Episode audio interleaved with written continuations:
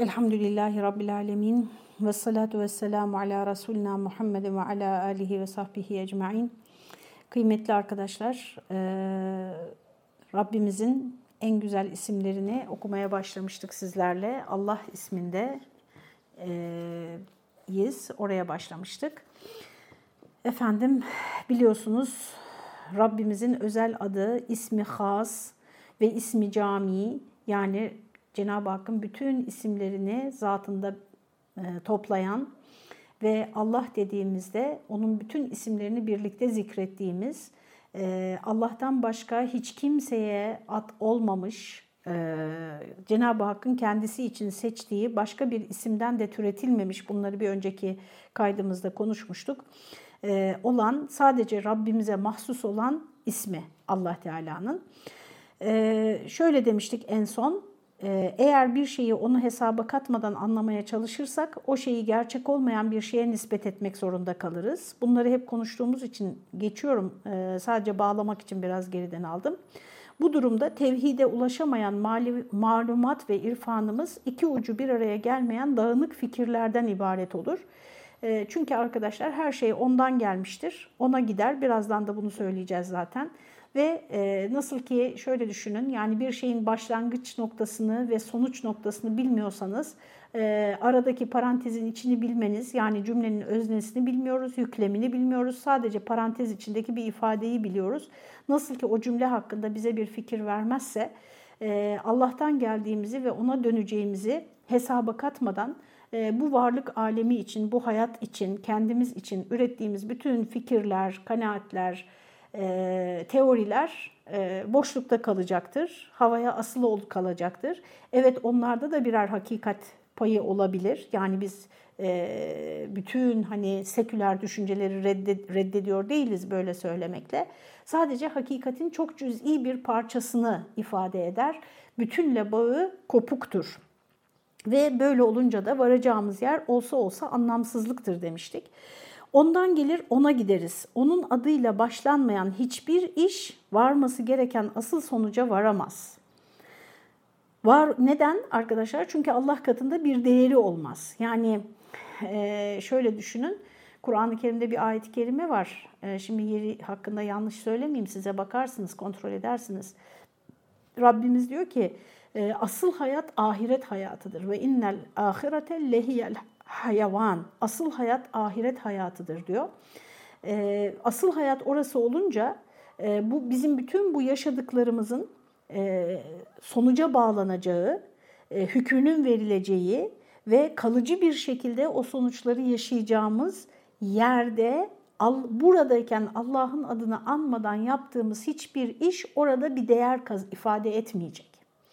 Yani Allah'ı hesaba katmadan, onun e, huzurunda değerinin ne olacağını düşünmeden, burada kendimizin verdiğimiz bir takım değerlerle, atıflarla yaptığımız meşgal, meşguliyetler Allah katında bir değer ifade etmeyecek, e, bir sonuca bağlanamayacak maalesef arkadaşlar. Neden? E, çünkü şunu biliyoruz biz, Peygamber Efendimizin mütevatir, bakın bu mütevatir hadisler çok az sayıdadır. Onlardan bir tanesi olan bir mütevatir rivayette Efendimiz sallallahu aleyhi ve sellem hepiniz bilirsiniz innemel a'malu bin niyat buyuruyor. Ameller niyetlerine göre değerlendirilecek Allah katında diyor. E, ve o niyette düşünün Allah yok yani. Ahiret yok, onun huzuruna varmak yok, e, ölümden sonrası yok. Yani seküler bir bakış açısını söylüyorum. Ne olur o zaman arkadaşlar? Sadece bu dünya için, bu dünyadaki mutluluğu için, huzuru için, parası için, çıkarı için, her neyse başarısı için, yani sadece bu dünya için çalışır bir insan. Bakın kötülük yapması da gerekmiyor. Yani kötülükten bahsetmiyoruz burada. Yani düzgün bir hayat yaşamaya çalışsa da sadece bu dünyada kalacaktır onun amacı, e, e, işlerinin sonucu. Neden? Çünkü zaten bu dünyayı amaçlıyordu. Bu dünyadan ötesini amaçlamıyor ki bu fizik alemin dışındaki metafizik alemle irtibatını kurmuyor ki yaptıklarının. Dolayısıyla öbür dünyada neden karşılığım verilmedi, burada ben neden karşılık almıyorum diye de e, bir hesap sormaya hakkı yok çünkü orayı reddediyor zaten. Zaten orayı hesaba katmıyor. Zaten oranın varlığını hiç hatırlamıyor, düşünmüyor, inanmıyor. İnşallah ifade edebilmişimdir. Varoluşumuza onu hesaba katarak bakmaya başladığımızda yani Cenab-ı Hakk'ı hayatın her detayına yaklaşımımız baştan sona değişir. Mesela ben size insan ilişkileri açısından örnek vereyim arkadaşlar. Herhangi bir insanla ilişkimiz, genellikle insanlar arası ilişkiler, bilhassa da en yakınlarla ilişkiler rin zehirli bir tarafı vardır arkadaşlar. Bizi yoran bir tarafı vardır.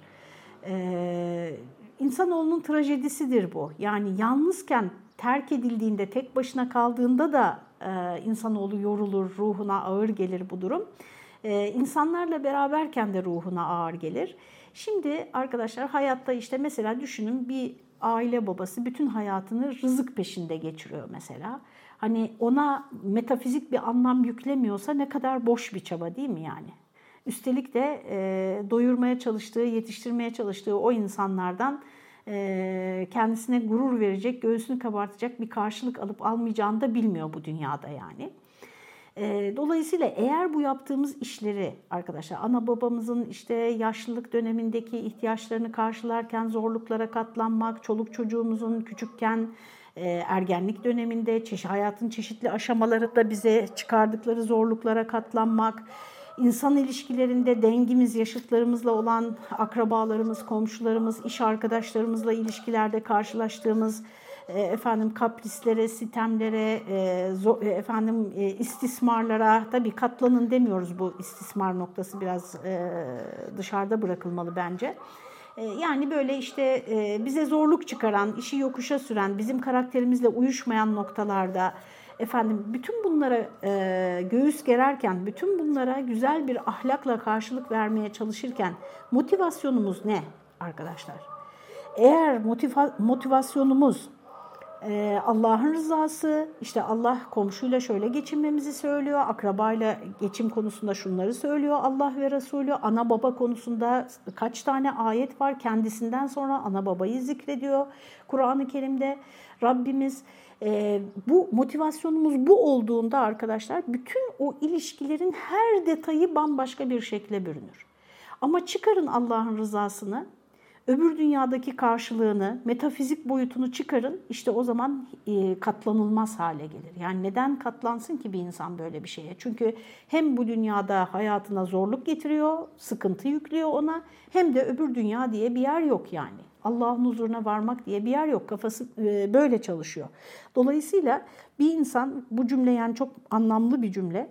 Varoluşumuza Allah'ı hesaba katarak bakmaya başladığımızda hayatın her detayına işte bir hastalığa e, maruz kaldığımızda, çeşitli imtihanlara maruz kaldığımızda, afetlere, belalara maruz kaldığımızda, kendi kontrolümüz dışında, kendi e, bir eksikliğimiz ve kabahatimizden dolayı olmayan bizim dışımızda dünyanın yaşadığı bir sınavdan geçerken mesela o karşılaştığımız durumlara, fedakarlıklara, özverilere, mahrumiyetlere arkadaşlar göğüs gererken işte Allah'ı hesaba katan bir insanın hayatın her adımında yaklaşımı baştan sona değişir ve artık asla bundan önceki insan olamayız demişiz burada. Yani Allah'ı hakikaten e, yüreğinde hissetmek bir hakikat olarak hani Hazreti Ali'nin e, çok sevdiğim bir sözü var Hazreti Ali'ye atfediliyor. Diyor ki cenneti ve cehennemi gördüğümde şimdikinden daha fazla inanmayacağım diyor yani hakikaten varmış demeyeceğim diyor. İşte yani hakikaten varmış ya demeyeceğimiz şekilde şu anda kat'i olarak Allah'ın varlığına ve dirilişe bu ikisi bir arada Kur'an'da da sünnette de hep bir arada zikredilir. Çok anlamlıdır yeri gelince yine söyleriz. Acizane kanaatim e, ahirete iman yoksa arkadaşlar Allah'a iman fonksiyonel değildir. İşte deistlerin bir yaratıcıya, bir tanrıya teşekkür mahiyetindeki imanları e, onların hayatlarında hiçbir pozitif artı ahlaklarında meydana getirmemektedir. Çünkü e, o, onun huzuruna varmayacağız. Yani e, bir diriliş yok. Bir e, orada kazanmak istediğimiz bir hedef yok e, deizm açısından baktığımızda. Dolayısıyla işte bütün hakikatiyle Allah'a inanan ve onu e, kalbinde, yüreğinde, aklında, bütün kararlarında her an hisseden kişi ama bunu böyle çok hani Evliyaullah gibi biri diye düşünmeyin yani. Yürekten inanan herhangi bir mesela bizim Anadolu insanımızda bunu her anında görebilirsiniz. Günün her anına, bütün konuşmalarına siner. Yani Allah korusun, Allah muhafaza, Allah var kızım, işte bu dünyanın üstü varsa altı da var, boş ver nasılsa oraya varacağız. Yani bütün konuşmalarına siner, bütün hareketlerine, bütün yaşadığı o olayları değerlendirirken her cümlesinde o inancı görürsünüz. İşte bu şekilde iman etmiş bir insan artık bundan önceki insan yani o imandan önceki insan olamaz.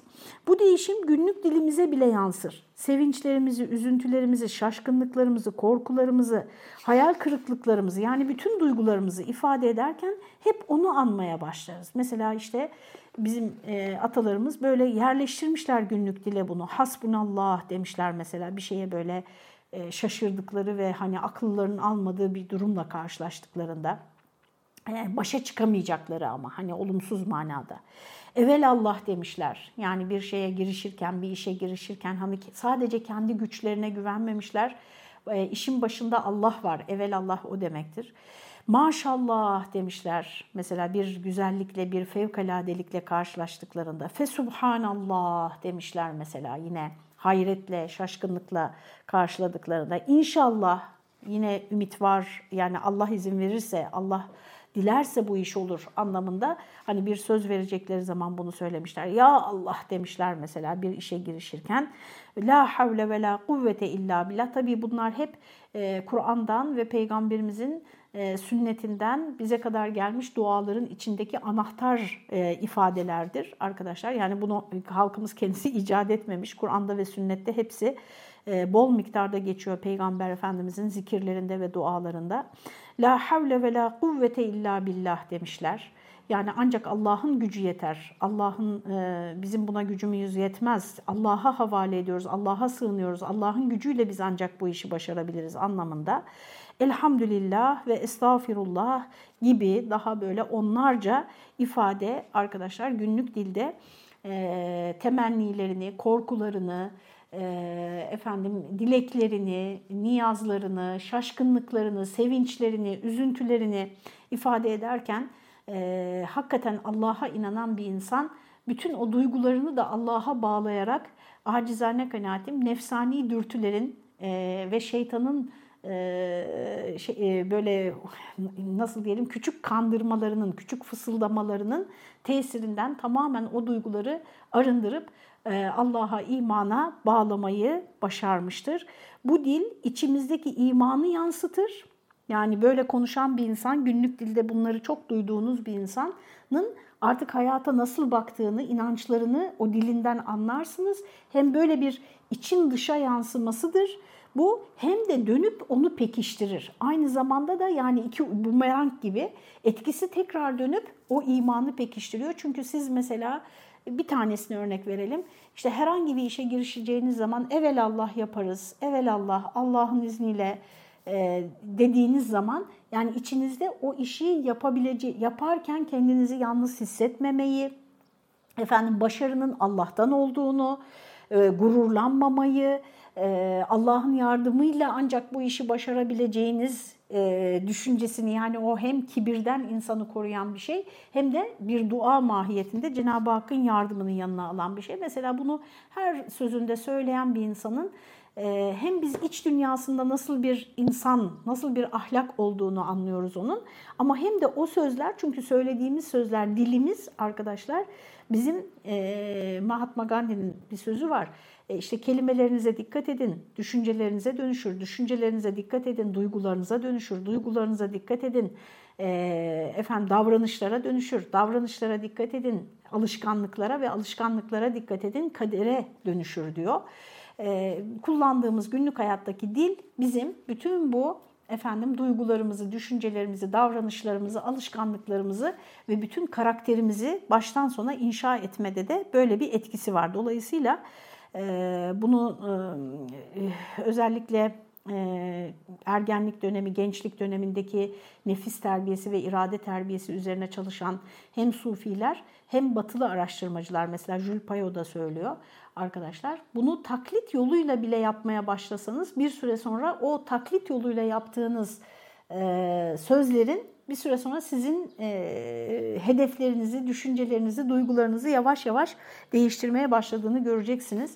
Bu yüzden mesela ben hep söylerim Allah'a ısmarladık yerine kendine iyi bak diyoruz. Kendine iyi baktaki e, alt anlamlara bir bakın. Bir de Allah'a ısmarlamak, birini Allah'a ısmarlamaktaki alt anlamlara bir bakın.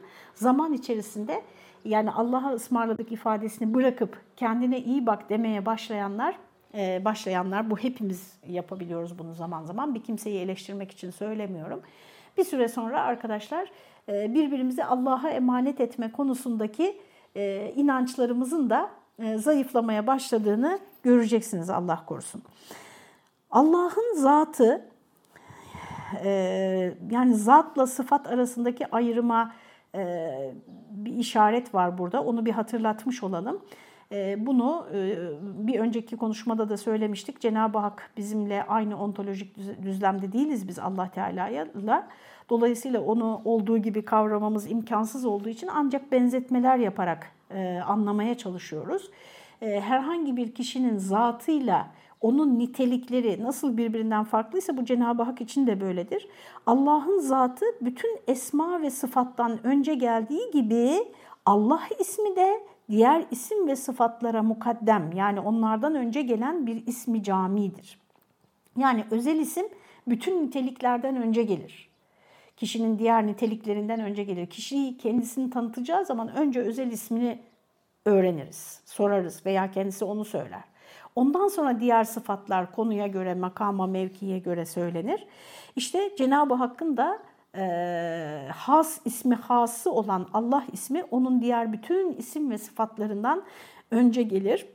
Allah diyen onu bütün isimleriyle anmış, bilinen bilinmeyen bütün isimlere sığınmış demektir. Burada böyle bir e, büyük bir kolaylık, büyük bir nimet var arkadaşlar. Çünkü insan daha önce de söyledim e, panik anlarında böyle şimdi hangi ismi söyleyecektim Esma Hüsna'dan hangisi buraya uygun düşer bunu mesela, e, bilemez insan yani Azrail'i gördük yani ne diyeceğiz şimdi ne diyelim e, veya işte ne bileyim bir afetle karşılaştığımızda çok kritik bir şeyle karşılaştığımızda bir durumla anlık yani saniyenin bilmem kaçta kaçı kadar sürede e, seçecek zihnimiz orada söyleyeceğimiz ifadeyi.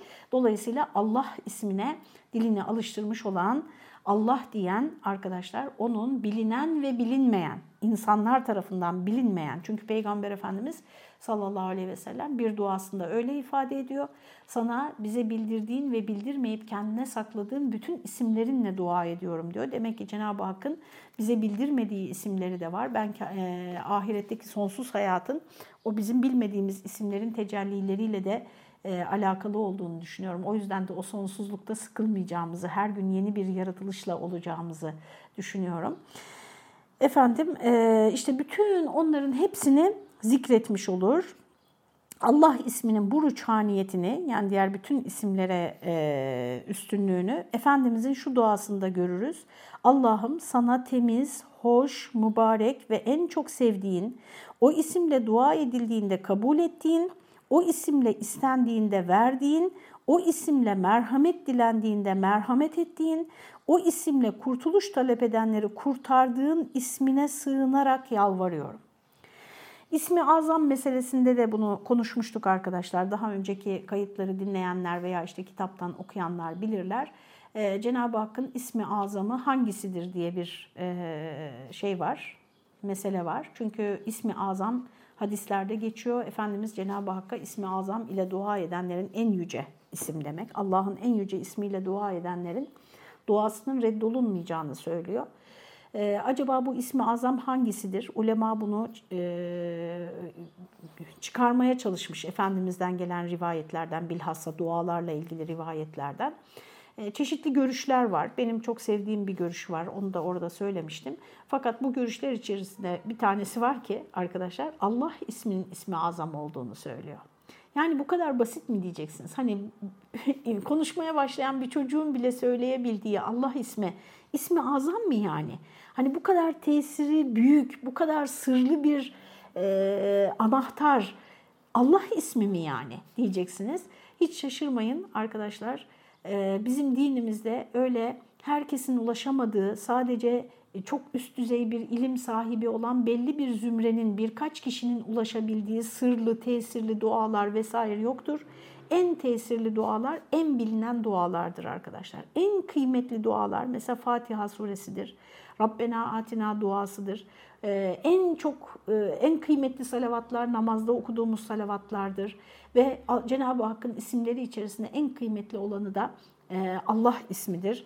E, yani böyle herkesten saklanmış değildir bunlar. Belli bir zümrenin inhisarında değildir. Dolayısıyla bu yüzden hiç kimsenin sizi istismar etmesine de izin vermeyin. Gel gelelim arkadaşlar. Bir bizim zihinlerimizdeki Allah var. Bir de gerçek Allah. Saffat suresinden bir ayet-i kerimeyi buraya yazmışız. Saffat suresi 180. ayete bakın demişiz. Hemen bakalım ne diyor Saffat suresi 180. ayet arkadaşlar.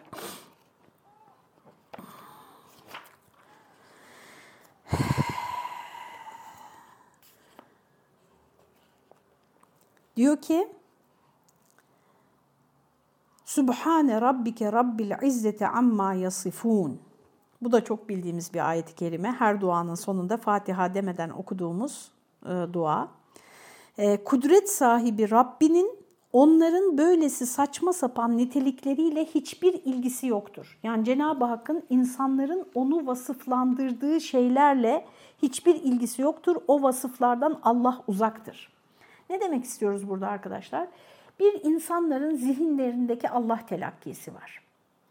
Sizin, benim, yakın çevrenizdeki insanların mesela herhangi bir konuda diyelim rızıkların dağıtılması konusunu sorun bakalım mesela çevrenize. Ne diyor? Ne diyecekler? Allah e, rızık meselesinde Allah hakkında ne düşünüyorlar? E, af konusunda affedilecekler mi, edilmeyecekler mi? Allah kimleri affedecek mesela? Allah'ın affı nasıl mesela? Ee, bir sorun bakalım. Kimileri Allah'ın en ufak bir günahtan dolayı insanları cayır cayır cehennemde yakacağını, işte kabirde şöyle azaplar edileceğini, dolayısıyla işte çok az kişi, kişinin kurtulabileceğini söylerken, kimileri de mesela Hristiyanlar böyle söylüyorlar e, ve onlara yakın düşünenler de var. Diyorlar ki biz Allah'ın sevgili kullarıyız. Allah bir baba hiç evladını yakar mı? Allah da kullarını yakmayacaktır. Biz cehenneme falan gitmeyeceğiz diyorlar. Ee, dolayısıyla bir Cenab-ı Hakk'ın kendisi var, bir hakikati var. Bir de bizim zihnimizdeki e, Allah tasavvuru var. Allah'ı doğru tanımanın da bir tek yolu var. Onun kendini nasıl anlattığına bakmak. Oraya kulak vermek arkadaşlar. Bu aslında her insan için böyledir. Bu durumda ve bu yüzden de mesela bizim dinimizde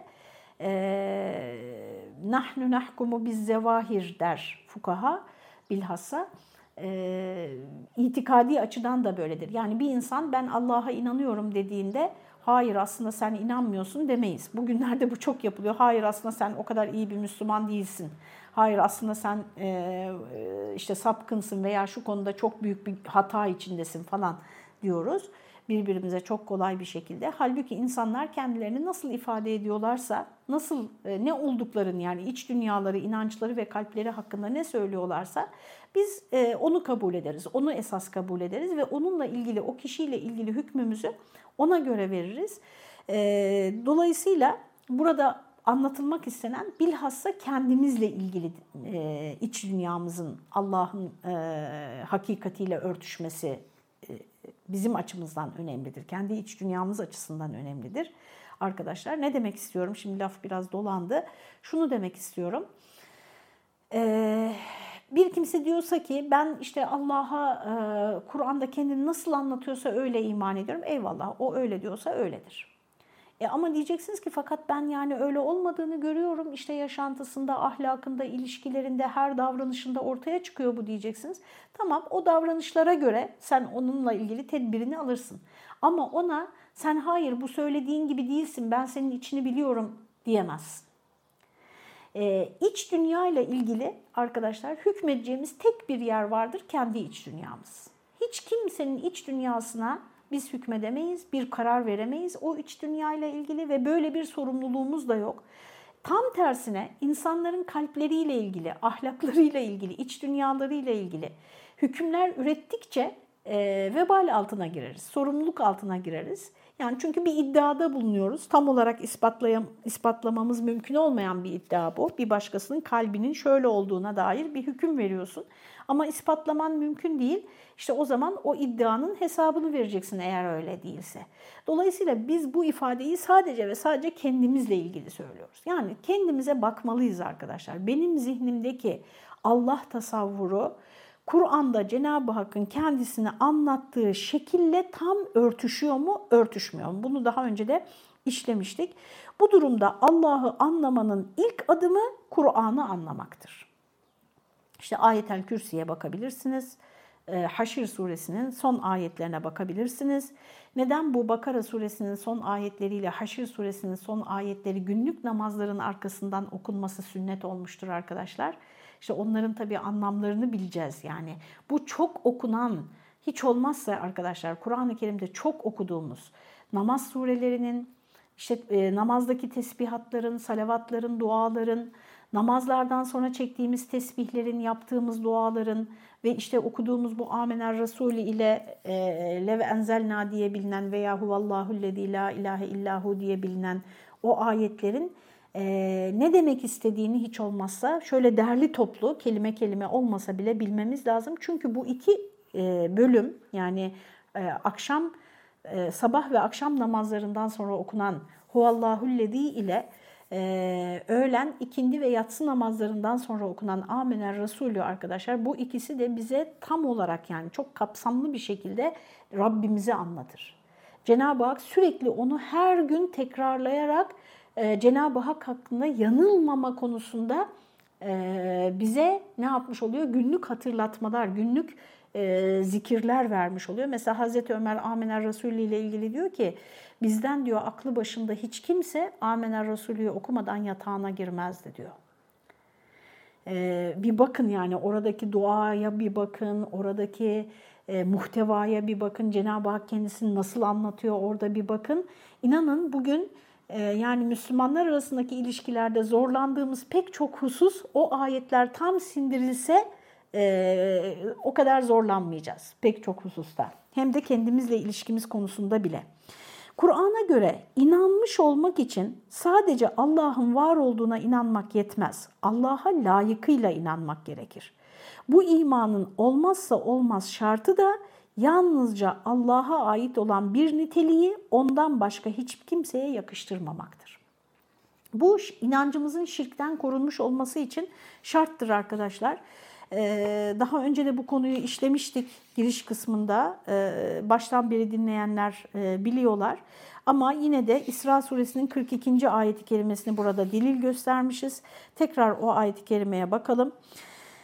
Ee, diyor ki, de ki eğer onların iddia ettiği gibi onunla birlikte başka tanrılar olsaydı o vakit onlar mutlak egemenlik elinde olan Allah'a karşı galip gelmek için çaba sarf ederlerdi o tanrılar diyor. Yani Allah'tan başka e, sadece Allah'a ait olan bir niteliği Allah'tan başka herhangi bir kişiye yakıştırmadıkça yani imanımızı şirkten korumadıkça arkadaşlar tam olarak iman etmiş sayılmayız.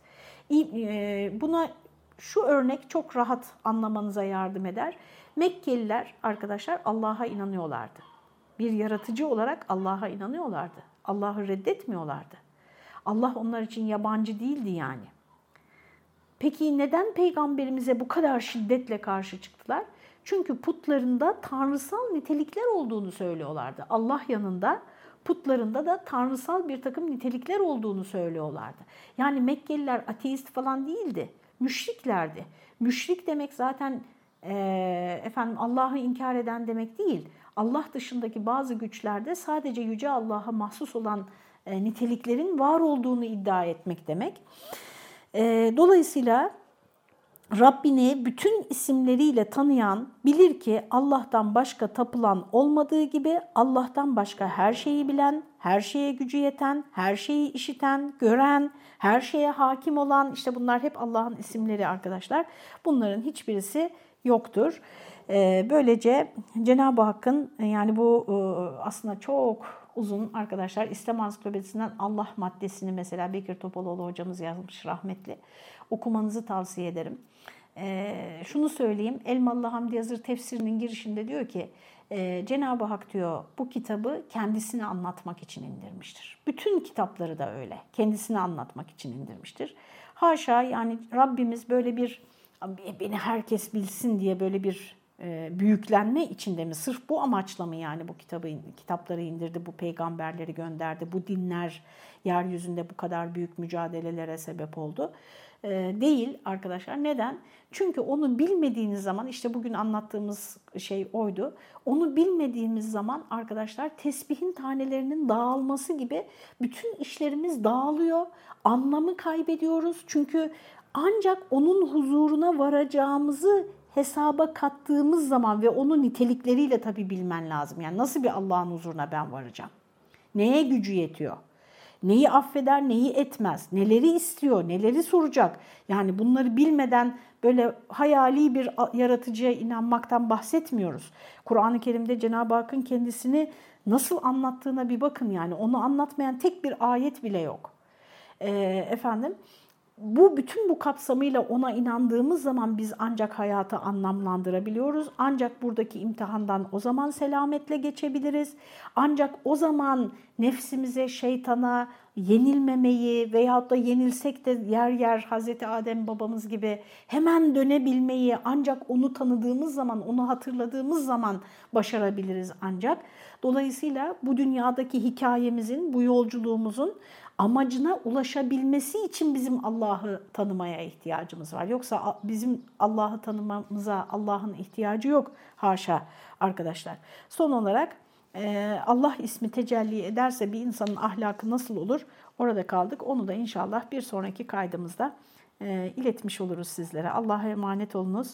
Cenab-ı Hak e, hepimizin gücü nispetinde ama hani o bile yeterli gelmiyor dilime yani gücümüzün de üstünde onun bize lütfedeceği bir kapasiteyle kendisini layık veç ile e, tanımayı, anlamayı, inanmayı ve bağlanmayı nasip etsin. Allah'a emanet olun.